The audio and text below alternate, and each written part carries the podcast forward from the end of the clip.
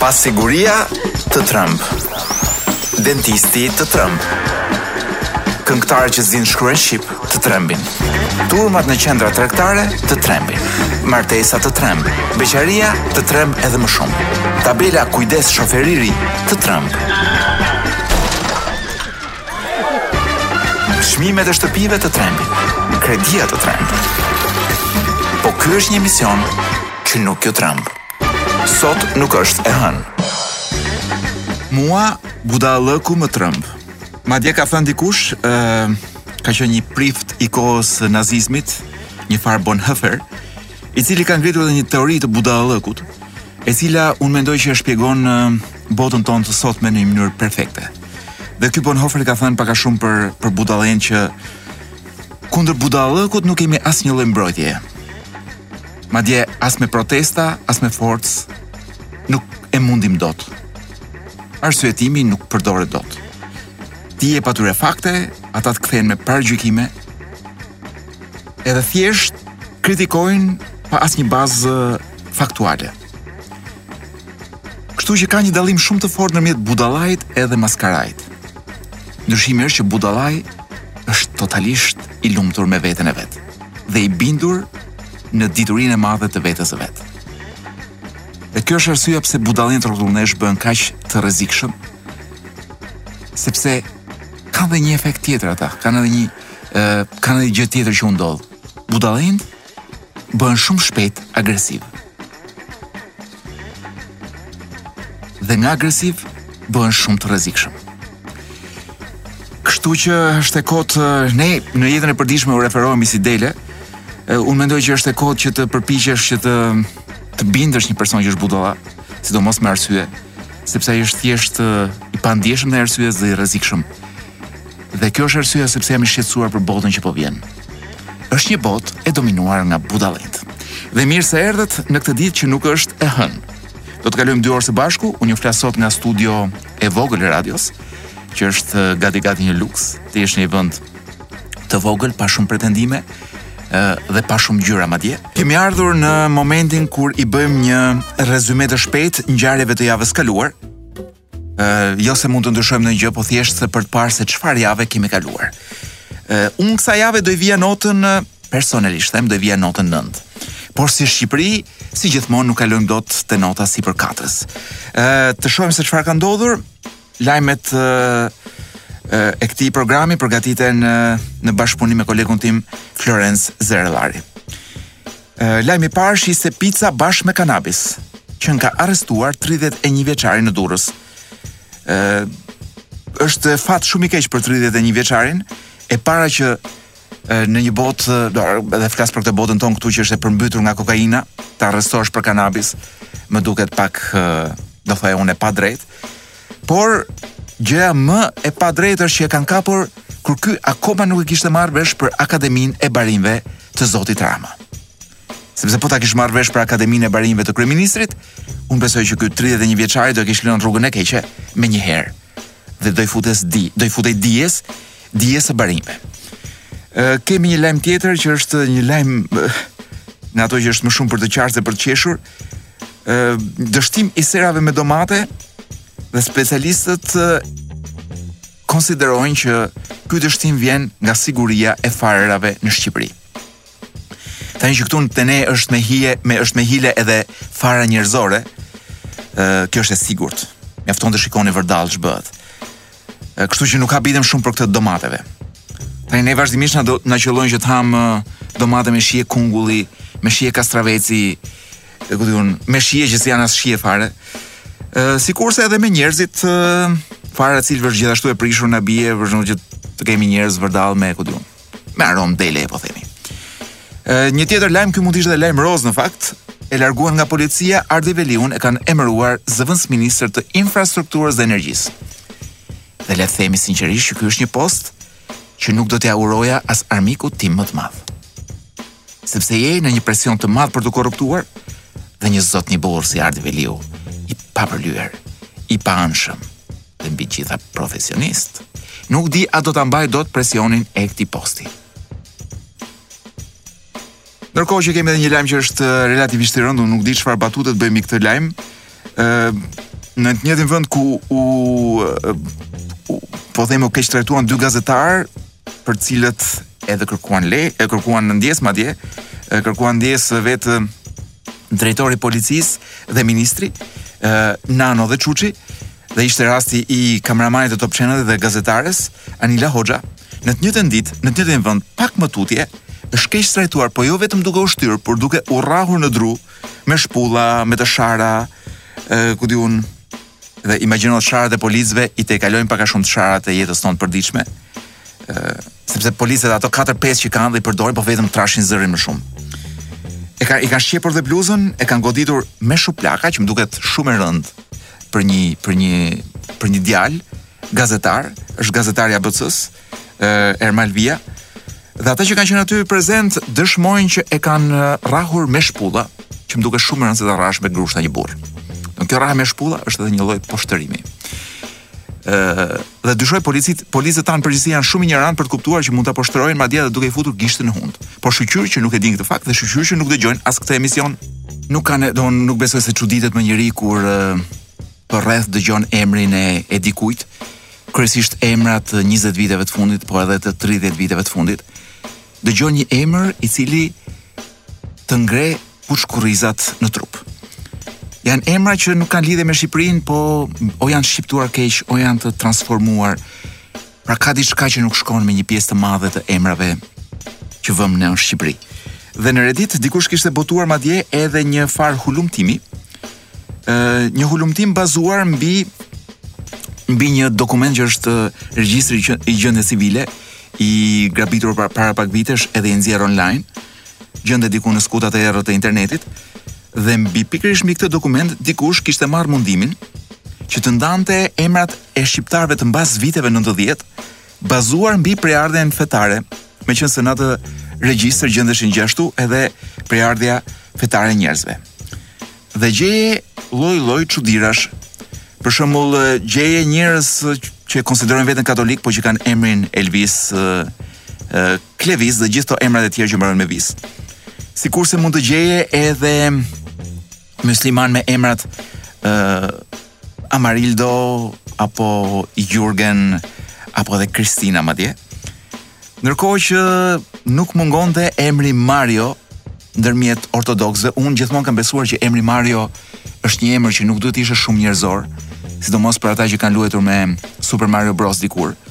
Megjithatë ja ku gjendet ndërmjet shumë emrave ortodoksë, pra çudira me emra shqiptarë.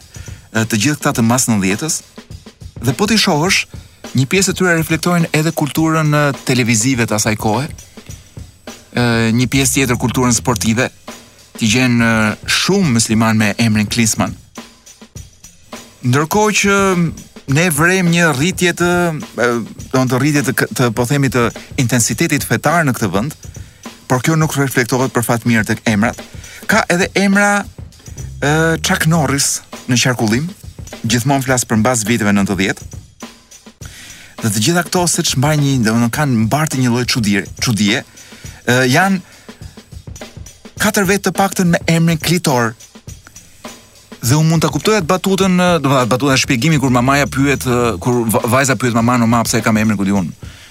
ë gëzime, sepse babai ishte do një ishte njeri shumë i, i dhënë pas gëzimeve të jetës dhe kështu ta vuri dhe emrin, ose emrin ku di unë, Luljeta, sepse babai i dashuronte lulet, dashuronte dhe jetën dhe ta vuri emrin Luljeta. Por ë nuk e di se si mund t'ia shpjegosh një klitori sepse babai Ose mamaja larg qoftë, ia ka vënë emrin Klitor. Kjo është një pikëpyetje që s'do ia gjejmë ndoshta kurrë përgjigjen. Të paktën jo këta që kanë këtë emër. Më tremb sidomos intensiteti i madh i emrit Amarildo në emrat e shqiptarëve, për aq sa kam dijeni unë edhe në vende si Portugalia nuk ka shumë Amarildo, po ja që në vende si Shqipëria pas një lloj, do thosha unë, pigmenti latin brenda nesh, emri Amarildo bën kokë lart e poshtë.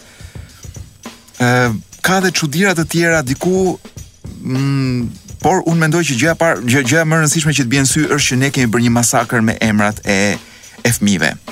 dhe këtu po i referohem dhe emrave të tipit Xheson, që shkruhen me Xh dhe me J, apo Kejsi, që është si për djem edhe për vajza që shkruhet me J, e të tjera të tjera. Do thosha, e, përfshirë me këto emrat e rinj, e, që janë emra biblikë, e, Noel, Joel, Xhoel, Moja ë ehm, e tjera tjera. Të gjithë këto emra nuk bëjnë gjë tjetër veçse tregojnë që kemi një kompleks shumë të madh ndaj prejardhjes tonë. Dhe duam që të mos e kujtojmë se nga vijmë. T'mos kemi emra shqiptarë, t'mos kemi emrat e gjyshërve, absolutisht asnjë emër i traditës, të jemi jashtë Edhe ata të mendojnë që ne jemi që nuk jemi shqiptarë. Pra duam të bëjmë sikur jemi të jashtëm, duke jetuar brenda. Por eh, siç thotë eh, një fjalë e urtë popullore shqiptare, ti mund ta heqësh shqiptarin nga Shqipëria, por për fat keq nuk do e për fat të mirë do thoja unë, nuk e heq dot Shqipërinë nga shqiptari. Kështu që pavarësisht Xheson lliçeve që kemi bërë me kalamajtë tanë, Ne do bëjmë mu kudo që shkojmë nga vijmë dhe kush jemi. Po, e kush jam unë që t'ankohem. Jetojmë në një vënd ku edhe, ku di unë, kryegjyshi i njërës prej feve më simpatike të Shqipërisë e ka emrin Edmond. Si Edmond dhe ka emrin Edmond, si emri i një aventurieri të një filmi me, të, të, të një libri të vjetër me aventura. të Dymas.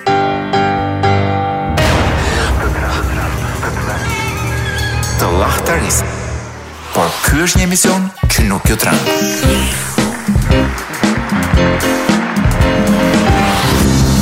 Sot nuk është e hënë. Dhe ja ku jemi në Top Albania Radio duke folur për librat. Në qoftë se e folura për librin në Shqipëri është diçka ndërmjet turpit edhe krimit, këtë javë është më tolerueshme sepse kemi një kemi një panair të librit. Mbas panairit do rikthehemi për të lexuar kryevepra nga ky panair. Kam të paktën 2-3 libra që po e pres të t'i marr në panair dhe t'i lexoj për ju. Libri që kam në duar është një libër që patjetër duhet ta keni edhe ju në qoftë se keni në plan të martoheni. Pra ti nuk mund të shkosh në altar apo ku di unë ku mund të shkojë njeriu tjetër kur martohet. Sa shkojnë në altar, sa shkojnë direkt në krevat, ë uh, sa i kombinojnë. Uh, libri titullohet Rrjedha e dashurisë i Alain de Botton, është një nga botimet e IDEART, është botim i vitit 2018, libri vetë është i freskët, është i para 5 viteve, autori, një filozof, e ka shkruar në 2016-ën. Të drejtat në hapësirën shqipfolse i ka IDEART, përkthyer në shqip nga Jonada Rapo, Ëh, përkthimi nuk ka shumë rëndësi sa ç'ka rëndësi brëndia që unë besoj do t'ju vlejë shumë, shumë. Sepse autori tregon në të vërtetë një romancë dashurie, një telenovelë dashurie do thoja unë, por e spërkat me filozofira shumë simpatike. Kam hapur fare rastësisht në faqen 46 dhe 47 të librit, kam hapur fare rastësisht librin në momentin ku më duket se kemi një propozim këtu. Ai i propozon asaj. A, sa bukur. Sepse do që të ruajë, do që të ngrijë atë çka ata kanë dhe ndjejnë për njëri-tjetrin, tani. Ai shpreson që nëpërmjet martesës të përjetësojë eksitimin e çastit. Ku eksitimin Lejoni t'them që është nuk ka të bëjë me eksitimin që ndodh nga mesi e poshtë e trupit, por është ajo rrënqethja që ka trupi apo një përngjethje apo një ngjethje ë që njeriu ka kur gjendet, po themi në këtë rast, pranë personit që dashuron. A nuk është tamam eksitim sesa kjo ë ngjethja? e të tjera, ka disa shpjegime se ç'pret ky, domethënë ajo ka veshur atlete të zeza, pantallona kadife të shkurtra dhe një kanatiere të zezë të mëndafshtë. Ai do të lëpijë djersën nga tëmthet e saj dhe do ta ngrejë pesh e do ta rrotullojë në ajër. Sepse janë duke kërcyer, a? Muzika dhe ndjenja e afërsisë me kërcyesit e tjerë janë pothuaj një bar shërues që premton fundin e dhembjeve dhe të ndasive. Dalin në tarracën e ndriçuar vetëm nga drita e qirinjve që janë shpërndarë nëpër anët e saj. Të tarracës pra. është një natë e kthjellët dhe universi ka zbritur që t'i takojë ata. Ajo tregon me gisht nga Andromeda, Një aeroplan kalon mbi kështjellën e Edimburgut dhe pastaj nis uljen për në aeroport. Në atë çast, ai nuk ka asnjë dyshim se kjo është gruaja me të cilën do dojë të plaket. Mm. Doemos shumë nga aspektet e sotme, martesa nuk do mundte t'i ruajë ose t'i fiksojë në thonjësa. Si për shembull, qetësinë e natës së mbushur plot me yje, hedonizmin e përgjithshëm të klubit dionisian pra vendi ku ata janë. Mungesën e përgjegjësisë të dielën dembele që e pason. Në në kllapa ata do të shtrihen deri në mesditë. Rabihu, dhe është personazhi kryesor i librit ky, Rabihu nuk po martohet me një ndjenjë. Dhe pra nuk po fikson në përjetësi këtë ndjenjë. Ai po martohet me një person me të cilin në një situatë të veçantë të privilegjuar, paksa arratisëse, ai ka pasur shansin të ndajë një ndjenjë të fuqishme.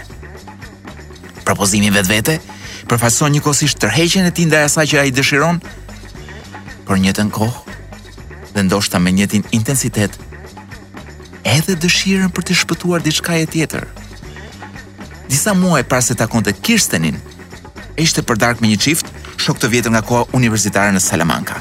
Kaluan një vakt të këndshëm, duke informuar njëri-tjetrin për të rejat. Teksa po largoheshin nga restoranti në rrugën Victoria, Marta e uli me delikatesë jakën e xhaketës së Juanit, këta janë çifti tjetër sqaroj unë, dhe ia rregulloi me kujdes rreth qafës shallin vishnje. Hmm, një gjest ky plot përkujdesje dhe përkushtim të natyrshëm, që Rabihu e vlerësoi aq shumë, por dhe e bëri atë të ndjente një boshllëk të tmerrshëm. dhe të kuptonte se sa vetëm ishte në një botë ku askujt nuk i bëhej vonë për ekzistencën a për fatin e tij. Ai e kuptoi në atë çast që jeta vetëm kishte filluar të bëhej e papranueshme. Atij i kishte ardhur në majë të hundës Kthimi i trishtuar në shtëpi pas një mbrëmjeje, të dielat e kaluara pa shkëmbyer asnjë fjalë me dikë, pushimet e kaluara duke u vërtitur nga pas çifteve me fëmijë, që nuk kishin aspak energji për diskutuar. Dhe pastaj fakti që ai nuk zinte një vend të veçantë në zemrën e dikujt tjetër. Ai e do me gjithë zemër Kirstenin, por ama e urren pothuaj me aq forcë dhe intensitet të qenët vetëm. Ja pra pse martohen njerëzit. Mm, këtë e them unë. Dhe këtu ndërmjet librit, ndërmjet rrëfimit, autori fut me të pjerrëta, me gërma të pjerrëta, edhe disa mendime filozofike. Dhe ja ku kam një pjesë filozofike për këtë momentin e propozimit dhe pse ky Djali në libër po propozon Rabiu. Po i propozon Kirstenit. Dhe vazhdoj të lexoj edhe për pak. Është pothuaj e turpshme se sa shumë dëshira për t'u martuar, se sa shumë dëshira për t'u martuar varet nga sa e vështirë është të jetosh vetëm. Ky nuk është faji ynë si individ. Shoqëria në përgjithësi e bën beqarinë një gjendje të vajtueshme dhe të vështirë pas ditëve të shkollës dhe universitetit. Shoqëria dhe ngrohtësia fillojnë të rrallohen. Jeta shoqërore rrotullohet në mënyrë mbytëse rreth çifteve. S'mbetet më askush që mund ta marrësh në telefon e me cilin të dalësh. Nuk është e habitshme pra që kur gjejmë dikë relativisht ok, i ngjitemi.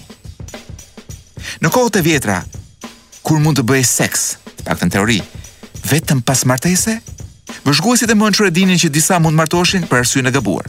Për seksin, pra. Kështu pra, arsyetonin se tabutë e seksit paramartesor duhet të eliminoheshin në mënyrë që të rinjtë të merrnin vendime të pjekura e jo të nxituara, ndërkohë që kjo arsye pra është eliminuar, Një tjetër e ka zëvendësuar atë në kohët e sotme. Dëshirimi për të mos qenë i vetmuar është po aq i fortë dhe po aq i papërgjegjshëm në pasojat e tij, sa dhe motivi seksual më parë. Kërcënimi se mund të kalosh 52 të diela rresht vetëm Krejt vetëm. Mund të luaj me sensin e pjekurisë në vendim. E të tjera të tjera. Më rrënqethi. Shumë pre... Kjo ishte zhurma që bën libri kur përplaset në tavolinën e studios së vogël me ngjyrë gri të radios. Ja pra, u martokemi jo më thjesht për të bërë seks, po për të mos ngelur vetëm. Dhe masi e rregullojmë atë atë gruan aty, themi tashi çfarë më duhet mua? Gruan e kam, vetëm nuk do jem. Tashi më duhet edhe një çik dashuri. E përkthyer në shqip më duhet një dashnore e të tjera të tjera. Sot nuk është e hënë. Ju po dëgjoni sot nuk është e hënë në Top Albania Radio. Personazhi për cilin dua t'ju flas pak tani është Karl Sagan. për ata që nuk e njohin, ky është një një shkencëtar, por edhe shkrimtar, ë i fokusuar tek astronomia, yjet, alienët. ë Unë vazhdimisht kam dëgjuar leksione të tij në YouTube. Ai në mos gabohem ka vdekur herët, diku në mes të viteve 90, ndoshta në 96-ën apo 97-ën. Pra 97-a, solli drama jo vetëm tek ne, po ja, mori me vete edhe Carl Saganin. Por gjëra që ka thënë atë kohë vazhdojnë të jenë me shumë jehonë edhe sot. Dhe një nga gjërat që dua t'ju flas për Carl Saganin është një citim nga një libër i tij, një libër i 1995-s.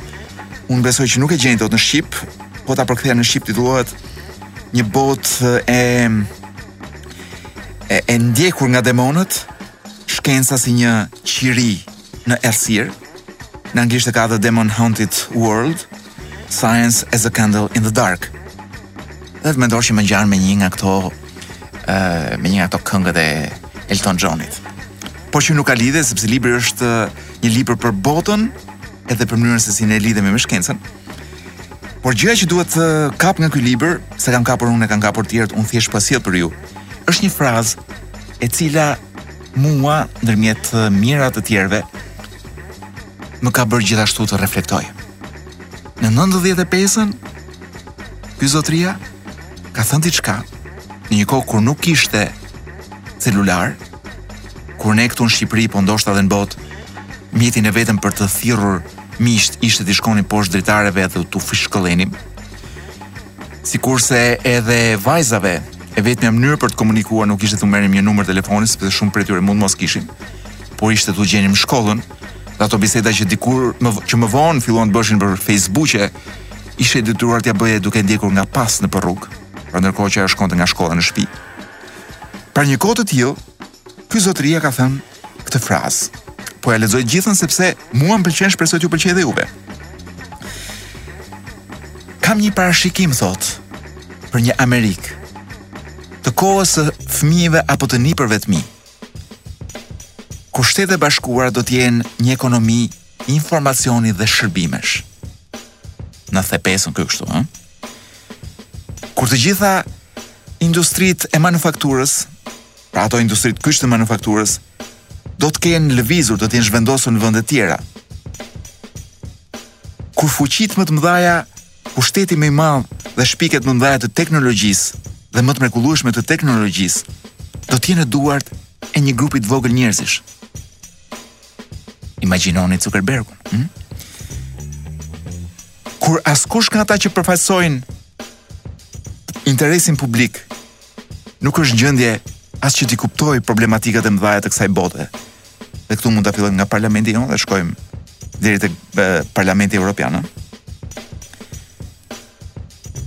Kur njerëzit thot Carl Sagani do ta kenë humbur aftësinë për të vendosur vetë për veten e tyre ose t'i bëjnë pyetje të dishme atyre që kanë pushtet. Kur do rrim duke konsultuar orë e çast horoskopin? O, oh, ja dhe ora ime për të marrë ilaçet. Mm, pak më vonë, pasi të flasim për Carl Saganin. Ë, uh, kjo është zila e celularit tim. Pra, uh, kur njerëzit uh, konsultojnë orë e çast horoskopin, apo mbërthehen mbas globeve të kristalta. Kur aftësitë tona për të qenë kritik me botën janë në rënje, imagjinoni delet tona, ha? Kur ne jemi të paaftë, kur do të jemi të paaftë për të ndarë se çfarë gjë na bën të ndihemi mirë dhe çfarë është e vërtetë. Fake news i famshëm, hm? Dhe në këtë botë që unë parashikoj, unë mendoj që do të rrëshqasim, ndoshta pa e kuptuar, poshtë, në supersticion dhe në errësirë. Nuk e di arrita ta përkthej dot mirë, sepse unë po përkthej direkt nga anglishja. Nuk e kam luksin që t'i përkthej një herë paraprakisht materialet, jo vetëm luksin. Po them që s'kam as nerva ta bëj këtë gjë, por gjithë kjo gjë më duket sikur ky në 95-ën ka folur për 2021-shin. Sepse gjëja që shoh unë vazhdimisht vërdall janë njerëz të acaruar, shumë gjithnjë më tepër injorantë që përtasin shumë dhe po që po na marrin të gjithëve me vete. Kështu që përfshirë edhe këta njerëz që nuk kanë besim te vaksinat.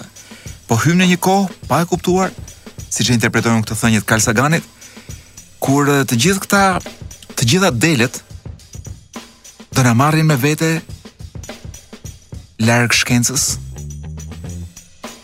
Dhe ku të pushtetshmit, gjithnjë më tepër, do kenë distancë me ne. Distancë informacioni. Por kujt i bëhet vonë se ç'do ndodhë nesër. E rëndësishme është që të bëjmë qejf tani, apo jo. Ja. Sapo dëgjuam MFÖ, një nga grupet kult të rockut turk, rock pop do thoja unë, si me thënë Aleksandër Gjoka, por uh, Aleksandër Gjoka sikur të ishte çuçukllar. dhe të jetonte jo nëpër mejhanet e Tiranës, por do thoja unë për as nëpër tavernat e Selanikut, por nëpër mejhanet e Turqisë dhe të kërcente, domethënë të këndonte dhe të bënte rokun e tij atje. Dua t'ju t'ju prezantoj një këngë që është një këngë epike do thoja unë, Edhe pse termi epik për të qenë i sinqertë është abuzuar shumë së fundmi. Pra çdo gjë në këtë botën tonë të vockël është epike. Jeta jonë me sa duket është shumë e varfër dhe ne jemi shumë të vegjël dhe prandaj tentojmë të përdorim terma të mëdhenj, epitete të mëdhenj. Për shembull, gazetarët përdorin fjalinë përgjigja epike e filankës në Instagram. Sigurisht është një gjë totalisht ordinere, ë pa pikë shije dhe humori, por për gazetarin na qenkësh epike.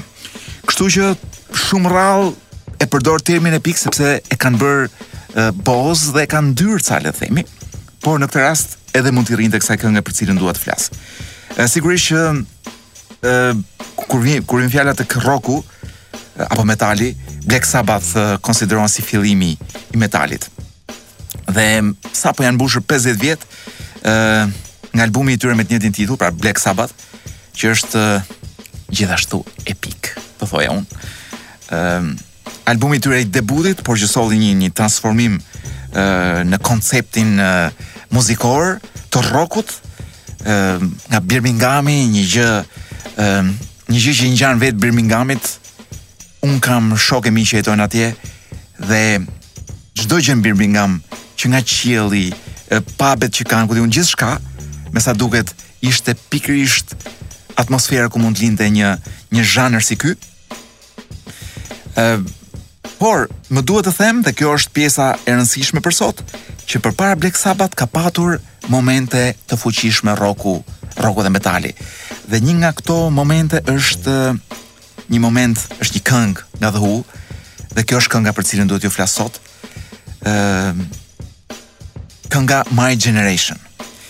Ë ehm, ka ardhur përpara Black Sabbath dhe është ehm, The Who konsiderohen një nga grupet më të zhurmshëm në botë. Por gjëja që ka kjo këngë është që të paktën kështu konsiderohet në këtë zeitgeistin e, e rock and rollit. që përpara kësaj kënge, asnjë muzikant, asnjë fans apo dashamirë i rokut, nuk e kishte menduar se çfarë mund t'i bëjnë veshve të tu, apo daulleve të veshve të tua, uh, një foni disa bokse të fuqishme dhe me një këngë si kjo, uh, që është kënga My Generation. Domethënë për mua në qoftë se ka një një rock të rëndë është ndoshta kjo është një nga këngët që ka përkufizuar këtë rockun e rëndë. Ë dhe kam kënaqësinë e madhe ta prezantoj për ju tani. Domethënë mund ta kishim sjellë nga The Who, por e kemi sjellur në një version më Më të freskuar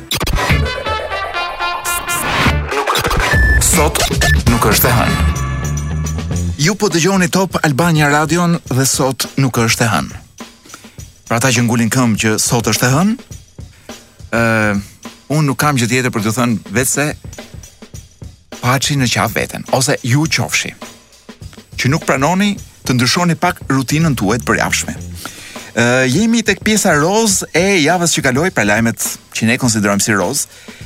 Dhe sepse këto lajme rozë të javës që kaloi kanë të bëjnë gjitha me foltoret. Dhe ja të foltorim pak për foltoret. Ë uh, diku Berisha paska thënë do të kthehem si kryeministër. Në fakt e ka thënë në një konferencë mbas foltoreve, pra është një uh, foltore për mediat. Uh, ka thënë që do të kthehem si kryeministër dhe me që të jemi sinqert me ju deri në fund, është një frazë që më duket shumë e padrejtë. E padrejtë për ne të tjerët. Sepse në qoftë se Berisha kthehet si kryeministër, atëherë edhe unë duhet që të kthehem në verën e vitit 2005 dhe të drogohem në Drimadhes. Drimadhesi i 2005-s është akoma bosh, ka vetëm një lokal dhe bëhet qejf i madh, ndryshe nga sot. Kështu kam dëgjuar të paktën nga të vjetrit që kanë jetuar në atë në atë kohë. Kështu pra, të gjithë ne kemi të drejtën që të kthehemi mbrapsht për të bërë diçka që e kemi bërë një herë para një 100 vjetësh. Pa dashur që ta përsërisim. Një tris i Berishës ë si kryeministër do më dukej pak si triste Domenica, le të themi. Me gjithë dashurinë e madhe dhe respektin që kam për doktorin dhe për gjithë fansat e doktorit, më duhet të them që është pak si gjë e vjetër. Dhe më duket se ka ardhur koha që të hyjmë që ne duhet të hyjmë në një gjë më të re. Për shembull, po të kishte ndonjë nip ose mbesë që do të na çojë përpara, jam gati ta ndjek. Paskemi edhe një një lajm tjetër po nga foltoret. Berisha thuhet këtu fotolajm na qenka ky, prit të shohim nga ka marrë Florenci fotolajmin, a nga Lapsi. Mm. Pak ditë më parë, Berisha i ka marrë thotë këtu ë I rrëmbem Bashës edhe Floriana Garon. Në fakt po ta dija që Basha mbante të mbyllur apo të ndrydhur Floriana Garon, unë them që të gjithë ne kemi të drejtë shkojmë dhe ta rrëmbejmë. Por ja, një shahmat nga doktori, një lëvizje prej strategu do thoja unë. Opozita do ta vuajë gjatë këtë humbje të Floriana Garos. Tani unë vërtet po e marr vesh vetëm tani që Garua qenka në politikë, Por unë them që rrjedhje si kjo në opozitën e Bashës do ta kenë tharë me siguri. Pra ikja e Floriana Garos sikurse dikur lënja e politikës nga ana e Çiljetës dhe shoqeve të saj, e thanë jetën politike të këtij vendi, kështu që edhe, edhe ikja e Garos do ta thajë garën e, e opozitës. Shkurt muhabeti, Basha mori fund me këtë ikje. GB i ka thënë SB-s. Pra GB ka thënë për SB-n. GB-ja për ata që nuk e dinë dhe që nuk janë uh, fansa uh, të politikës është zoti Gaz Bar. Uh, Berisha luajti bllofin nuk mblodhi dot firmat për kuvendin. Mm, paska luajtur edhe bllofin madje, doktori. Uh, dije që Doktori ka qenë prej kohës prej kohësh fans i Lady Gagës. Un kam dëgjuar që edhe në dush herë pas here këndon Poker Face. Kështu që nuk ka bitën për faktin që si kanë mbledhur firmat edhe ka luajtur edhe bllokin sipas GB-s. Kemi pasaj edhe një lajm tjetër pa lidhje me foltoret e kanë vënë me e, me okelion skandal, por fakti që në Shqipëri 50 euro duhen për një certifikat vaksinimi të Covidit pa e bërë vaksinën. Dhe unë mendoj që këtu qeveria do të ndërhyj. Është turp i Zotit. Të ndërhyj dhe të luftoj monopolet. Është turp i Zotit, domethënë ç'ke 50 euro. Qeveria do t'u hap rrugën edhe matrapazëve të tjerë që të falsifikojnë. Të liberalizohet tregu. Kaq. Çfarë kemi tjetër? Çmimet e kafesë dhe restoranteve kërcejnë edhe në tetor. Rritja më e lartë në 6 vjet. Uuu, të shohim sa është. Sa është ky kërcimi? Ëm sipas Instatit, ë, me shifrat e vetë kësaj qeverie, në tetor na qenka rritur kategoria kafe me 1.9%. Rritja më e lartë vjetore e çmimeve që prej fundit të viteve 2000 e 14 të viteve. Po një vit ishte e 2014-a, edhe pse për disa prej jush mund të jetë dukur si 5-6 vjet brenda një viti. Pra, kemi rritje të kafes dhe të pra çmimeve të kafes dhe restoranteve, edhe të ushqimeve në restorante. Un kam hequr, ka kohë që kam hequr dorë nga kafja, sepse diçka brenda meje më tha që në 2014-ën, që ja ku do arrinim. Por tashi do më duhet me siguri, me sa duket edhe të heq dorë nga ushqimi, Dhe pastaj jam në rregull. Nuk do e ndiej më fare këtë rritje të çmimeve. E mbyllëm dhe me lajmet roz të javës që kaloi. Rikthehemi tek muzika. Të shohim se çfarë kemi tani. Meqë pse ta shohim se çfarë kemi tani? Pse mos e lëm çik si surprizë?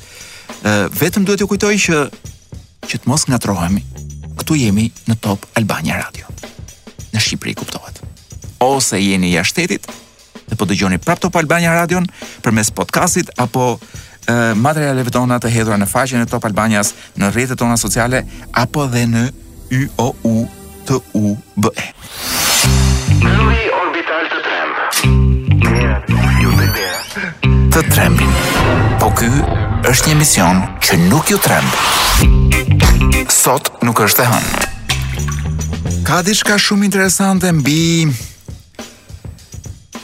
Mbi emocionin që ne ndjejmë në Korçë dhe mbi lidhjen e gjetur së fundmi, pra vitet e fundit, të kryesisht të kryeqytetasve me Korçën. Ëm pse Korça dhe pse jo diçka tjetër. Ë sigurisht që në gjithë botën njerëzit në fundjavë duan që të ikin nga vendi ku ata përjetojnë stresin e javës, ngarkesën, punën, gjërat dhe duan shkojnë diku tjetër, kjo këtu nuk ka asgjë asgjë anormale. Madje më duket shumë e shëndetshme që në fundjavë të ikësh diku. Ë i vetmi ndryshim është që njerëzit zakonisht ikin diku për të bërë një aktivitet. Shkojnë për të bërë ca ski, shkojnë për të ndjeshur për të ndjekur një ndeshje boksi, shkojnë për të lënë paraçkat në kazinora. Pra shkojnë për të bërë diçka. Dikush shkon dhe në plazh, pra merr mundimin për të ikur nga dimri i Ballkanit dhe për shkuar po themi në një plazh në, ku di unë, në Tunizi, Egjipt apo ku di unë, ku mund të kesh, ku mund të ketë plazhe në këtë kohë. Dikush madje merr rrugën deri në Budva për t'u zhytur në një Prishtinë, në një në një pishinë, dikush shkon edhe në Prishtinë për të bërë ca shopping, nuk e di se ç'ka Prishtina për shopping. Pra njerëzit e duan këtë ikjen por me një aktivitet. Korça përkundrazi nuk ka asnjë aktivitet. Po Korça ka një gjë prej Korçe. Pra ti shkon në Korçë dhe nuk e di se pse. Ka sigurisht që ka ushqim të mirë, po ushqim të mirë ka gjithandej. Ë ka dhe pije, por ti mund të mblidhesh dhe te podrumi i gjyshes ë dhe të pish atje. për të mos thënë që rrëza për të pirë Tirana ka mjaftueshëm. Madje edhe muzikë live për sa i përket nivelit të këngëtarëve Tirana është më mirë se Korça. Gjysma e këngëtarëve që këndojnë live nëpër klubet apo pubet e Tiranës janë janë pjesëmarrës Eurovizioni, pra këtë pikë ia fusim Korçës. Po ç'duam ne në Korçë, është pyetja. Ë simbas kësaj të voglës time dhe e vogla ime është i referohem rradakes, pavarësisht se njeriu mund të konsiderojë gjëra të tjera të vogla që ka në trup. Por simbas kësaj të voglës time, ajo çfarë ne kërkojmë në Korçë, nuk është thjesht ikja nga stresi i Tiranës. Por ne ikim në kërkim të një nostalgjie. Muzika në Tiranë është më e mirë. Por ajo e Korçës është më e vjetër. Ushqimi në Tiranë mund të jetë më i mirë, po në Korçë ti ha nëpër ca podrume nëpër ca vila të vjetra të mirëmbajtura, ku ty të kthehen pjesë nga një botë që ta kanë zhdukur në Tiranë.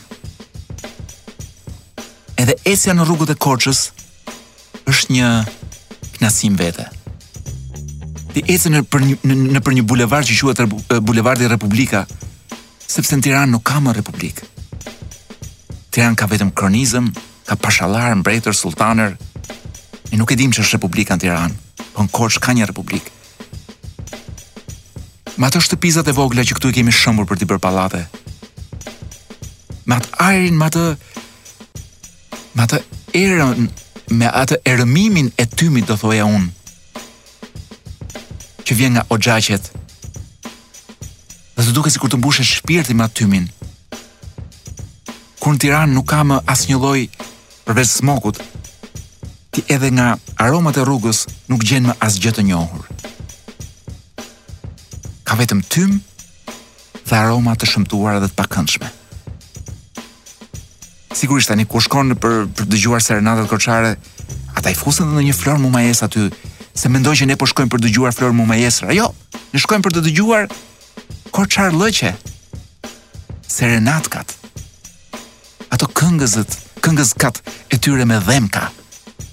Sepse duam për një fundjavë të kthehemi në identitet. dhe në nostalgji. Meqenëse këtu, këta njerëz që ne i duam shumë, na kanë zhdukur identitetin. Sepse këtu ka një lalë që ta zhduk identitetin, por po ne shkojmë në Korçë për të dëgjuar ku të kisha moj lalka ty. Dhe në këtë frymë, alla korçare, Ju sjellim një këngë korçare. Ë këtë trendin e Korçës më kujtohet që dikur e patën hapur vëllezërit korçarë, të cilët hapën një në aso kohë një një klub në Korçë, Skena më duket se quhej, që nuk e kishte as Tirana. Pastaj ne u vodhëm vëllezërit korçarë, ia hoqëm Korçës, Korçës, Por shpirti i tyre është aty vërdall. Si me thënë, rrokulliset bashkë me kadet nëpër kalldrëmet e Korçës. Ku gjëja më e shëmtuar është pazari i ri le të themi, sepse është bërë me urdhër nga Tirana. Dhe është mbushur me tiranasllëqe. Megjithatë Korça ka plot gjithmonë sipas kësaj të voglës time, ka plot cepa të vegjël ku mund të shijosh atë nostalgjinë për të cilën po flisim. Dhe ja ku kemi mbërritur në momentin që për DJ Wizin është momenti më eksitues i darkës dhe është pjesa kur flasim për seksin. Ne do të flasim për diçka të pafajshme në fakt. Fjala seks është pak e rëndë, do flasim për orgjitë. Është e pafajshme, sepse orgjitë për të cilat do flasim nuk bëhen atje ku mund të mendoni ju. Pra nuk është se bëhen në një në një vilë me pishinë, me njerëz që lidhin sytë, ku di unë ku derdhet shampanja sheshit. Madje as në ndonjë dy dhomë me guzhinë me perde të ulura ku mblidhen nja shtatë shokë shoqe dhe po themi ë eksplorojnë se ç'do thotë të ndihesh si në kohën e romakëve të lashtë. Jo, orgjitë për cilat do të flas bëhen online. Ëm um, është një studim i mirë, i thellë, i gjatë, ë um, edhe i shumëfishtë në këtë rast, meqenëse flasim për orgjitë, i bërë nga kush e ka bërë këtë studimin, ka bërë një kompani për shënzika. Ë uh, pra ka bërë dikush këtë studimin, a jërin review, e cila ka arritur në konkluzionin që gjatë pandemisë ë uh, ka pasur një rritje shumë të madhe të orgjive online kryesisht në Zoom. Tani sigurisht që ne në fakt unë dhe DJ Wizi po besoj dhe shumë nga ju ë vdesim për seks në grup. ë Madje shifra tregojnë që në këto vendet e perëndimit 1 në 7 vetë ka bërë seks në grup. ë kur vetëm 1 në 5 thotë bobo sa e shpifur. ë Pra, me këto lloj shifrash, ë ku ndër të gjitha fantazitë erotike që ka njeriu, fantazia e të bërit seks në grup është e treta. Pra në këtë panoramë, në këtë kontekst, ë um, unë mund të them me plot gojën që jo vetëm unë e DJ Wizi, por edhe të paktën 30% e radios, po edhe 30% e juve që po më dëgjoni, vdisni për seksin në grup. Dhe nuk ka pse jo, sepse seksi në grup është dëshmuar që në kohën e romakëve të lashtë. Madje ka edhe piktura, ku di unë, të 400-ës, 500-ës, 800-ës, në të cilat përshkruhen orgjira e, seksuale, sepse mendohet që këto janë e, si praktikë seksuale është dhjetëra mijëra vjet e vjetër. Ë, thonë që profesioni më i vjetër është ai i prostitutës, unë dyshoj që jo. Sepse profesioni më i vjetër është ai i organizatorit të orgjive. Ë, dhe thuhet që përpara se ne të shkonim, pra, qenia njerëzore të të ta reduktonte seksin thjesht në një marrëdhënie mes dy personave, ë, këto lloj eventesh, le t'i quajmë, ë, kanë qenë të vazhdueshme Dhe madje shoqëroheshin shpesh edhe me forma spirituale, pra ti nuk bëje vetëm seks, por si grup eksploroje diçka spirituale, lidheshe me tokën, ku di unë, e gjëra të kësaj natyre.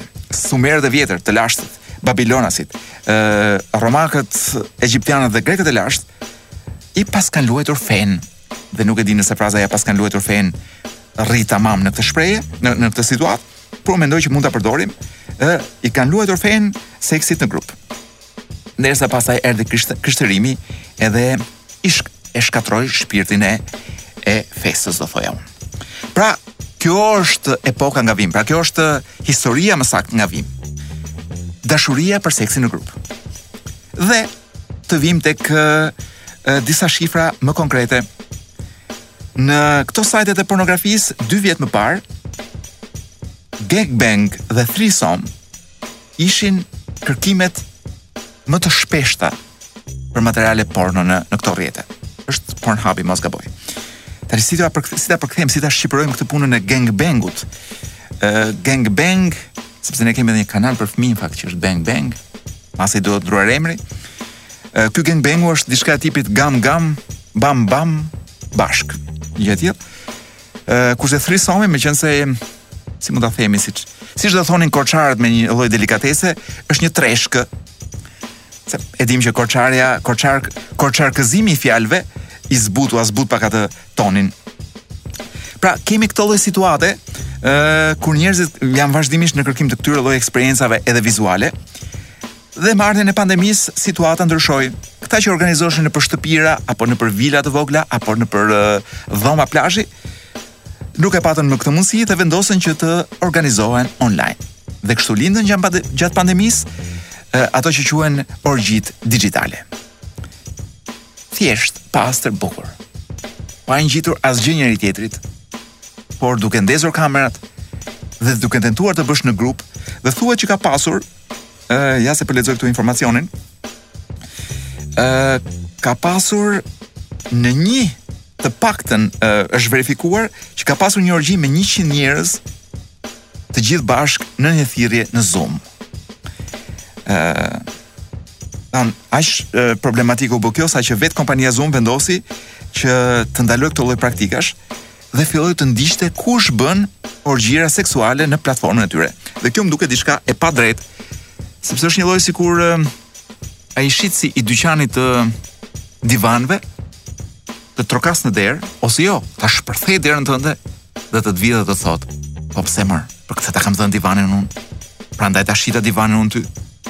që të hash sanduiç në divan me çorape veshur, ndoshta edhe me shap, pa hequr dhe shapkat.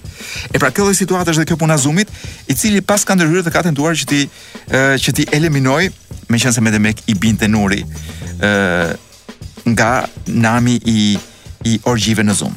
Kjo nuk e ka penguar aspak, sepse edhe klube të caktuara, të cilat të cilat organizonin më përpara orgji në klubet e tyre, vendosën të organizojnë online dhe nuk ka asgjë për të bërë. E vetmja gjë që mund të bëhet është që Zoom-i të kontrollojë se kush është nën 18 dhe ta eliminojë, por për pjesën tjetër asgjë me sa duket nuk mund ta bllokojë pasionin njerëzor për të eksploruar në grup ë uh, artin e të bërit, ku diu, dili vili. 50, 30, 70, edhe 100 siç e pamë, vetë bashkë. Kemi mbritur në fundin e kësaj uh, dite uh, radiofonike që nuk është e hënë dhe po largohem duke ndarë me ju një lajm shumë të mirë në Thames apo Tamiz, siç e përkthenim dikur në librat tanë të Londrës, pra në lumin që përshkon Londrën, ë uh, janë rikthyer, janë rikthyer peshkaqent. Mbasi në vitin ku diu në vitet 60 Tamizi ishte ishte konsideruar sikur është biologjikisht i vdekur për shkak të të industrive dhe të helmeve që hidhin që hidheshin aty. ë vit pas viti situata filloi të ndryshonte, përpjekjet e mëdhaja për ta bërë edhe një herë të banueshëm atë lum, na çuan që sot, siç po lexoj tek Corriere della Sera, na qenkan rikthyer peshkaqent. Dhe rikthehen jo, jo më kot, rikthehen aty për të pjellur, sepse është një vend fare i paqtë. Nuk mund ta themi këtë për Lanën. Sigurisht që Lana nuk është në mendjen e askujt, Ëh, por shyqyr që e kemi edhe Lanën sepse herë pas herë aty rikthehen peshkaqenët për të urinuar peshkaqen. Peshkaqen është fjalë shumë e rëndë. Po peshqit e kuq të vegjël. Oh, dhe ja ku është zilja për të mbaruar emisionin. Për t'u larguar nga studio, të shpresojmë që Lana do të mund të rivitalizohet dhe njerëzit të mund të rikthehen aty edhe për të larë rrobat, dhe për të bërë gjithë ato gjëra që janë bërë dikur atje. Sepse nuk besoj që dikush ka një plan më të mirë se ky për Lanën. Dhe përderisa të arrijmë deri deri tek ajo pika e rijetësimit të Lanës, le ta përdorim për atë që ka bërë Perëndia, domethënë që ka bërë kryebashk, që ka bërë bashkia. Le të urinojmë sa herë që kemi nevojë të zbrazim uh, hallet tona në atë përrua të vockël, që nuk është as përrua. Largohemi me me muzikë dhe rikthehemi po prapë me muzikë mbas një jave. Në Sot nuk është e hënë në Top Albania Radio.